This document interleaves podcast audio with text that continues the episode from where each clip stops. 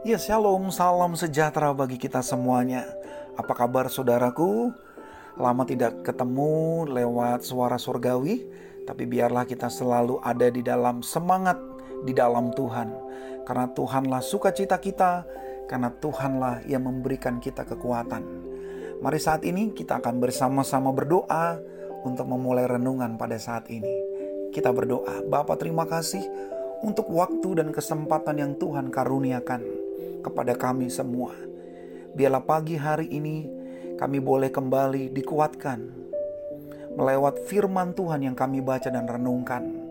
Biar melalui renungan suara surgawi ini, kami sungguh boleh mendapatkan kekuatan yang baru dari Tuhan. Hanya di dalam nama Bapa, Putra, dan Roh Kudus, kami berdoa. Amin. Ya, saudara-saudara, tema yang akan kita renungkan pada saat ini ialah perhatian Tuhan. Mari kita membaca dari Mazmur 33 ayat yang ke-18. Firman Tuhan berkata, Sesungguhnya mata Tuhan tertuju kepada mereka yang takut akan dia, kepada mereka yang berharap akan kasih setianya. Terpujilah nama Tuhan.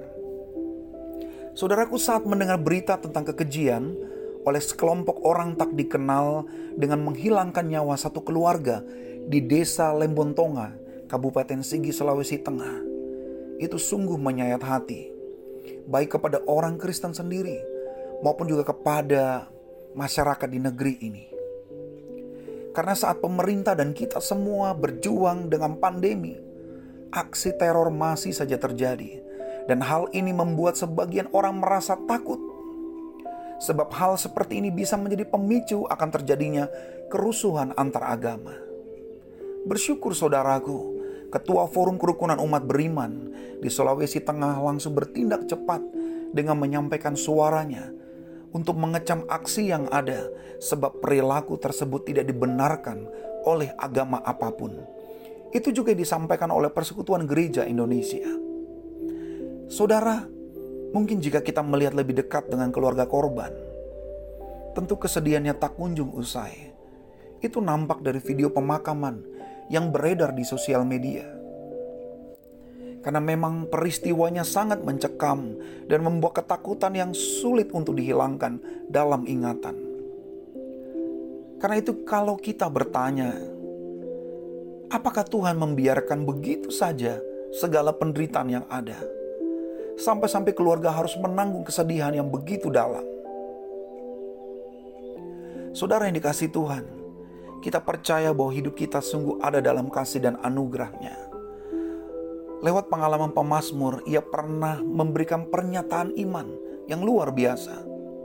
Di dalam Mazmur 33 ayat yang ke-18 dikatakan bahwa mata Tuhan memperhatikan orang-orang yang sungguh mengasihi dia, yang berharap akan kasihnya yang kekal. Ia akan memelihara mereka dari kematian, bahkan pada masa-masa yang sulit. Lewat firman ini kita dapat menaruh pengharapan kita bahwa sesungguhnya peristiwa apa pun yang menyakitkan sekalipun Tuhan melihat, Tuhan hadir dalam kesedihan dan penderitaan yang kita alami. Bahkan saat diperhadapkan dengan kematian, sesungguhnya hal itu tidak menghilangkan kasih Allah yang membawa kepada karya keselamatan kekal yang ia janjikan. Marilah kita bersama menyatukan hati untuk berdoa kepada Allah bahwa Ia selalu ada bagi setiap orang yang mengasihinya. Sehingga kesulitan ataupun kematian yang ada di hadapan kita tidak membuat serta-merta kita takut.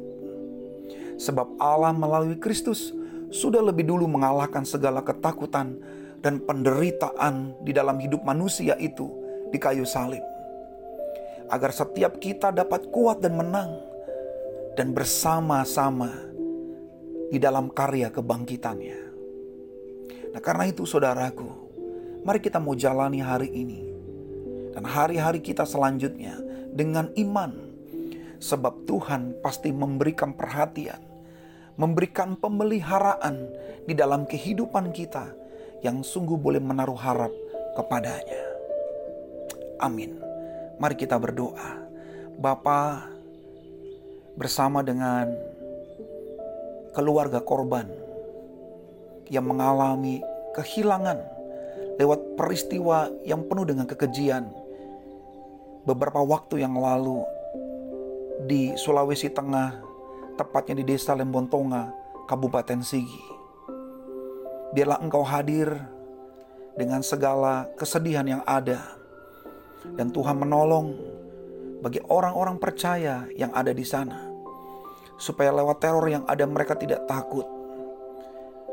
Mereka harus yakin bahwa Tuhan selalu memberikan perhatian dan pemeliharaan di dalam hidup mereka.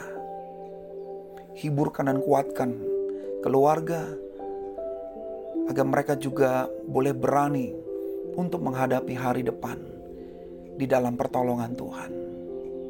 Kami juga menyerahkan diri kami masing-masing agar apa pun yang menjadi pergumulan hidup kami yang mungkin terkadang membuat kami takut. Tapi biarlah kami boleh menyerahkan segala rasa ketakutan kami kepada Tuhan yang sungguh boleh terus memberikan perhatian kepada kami. Karena kami percaya kasih setiamu selalu ada selalu kami rasakan di dalam hidup kami. Kami serahkan diri kami, kami serahkan usaha kami, pekerjaan kami, keluarga kami, gereja kami, dan bahkan negeri ini agar selalu ada di dalam damai Tuhan. Terima kasih Bapa. Ini doa kami. Hanya di dalam nama Tuhan Yesus kami berdoa dan mengucap syukur. Amin. Mari saudaraku, biarlah kita tetap menaruh pengharapan hanya kepada Tuhan yang sungguh memberikan perhatian kepada kita.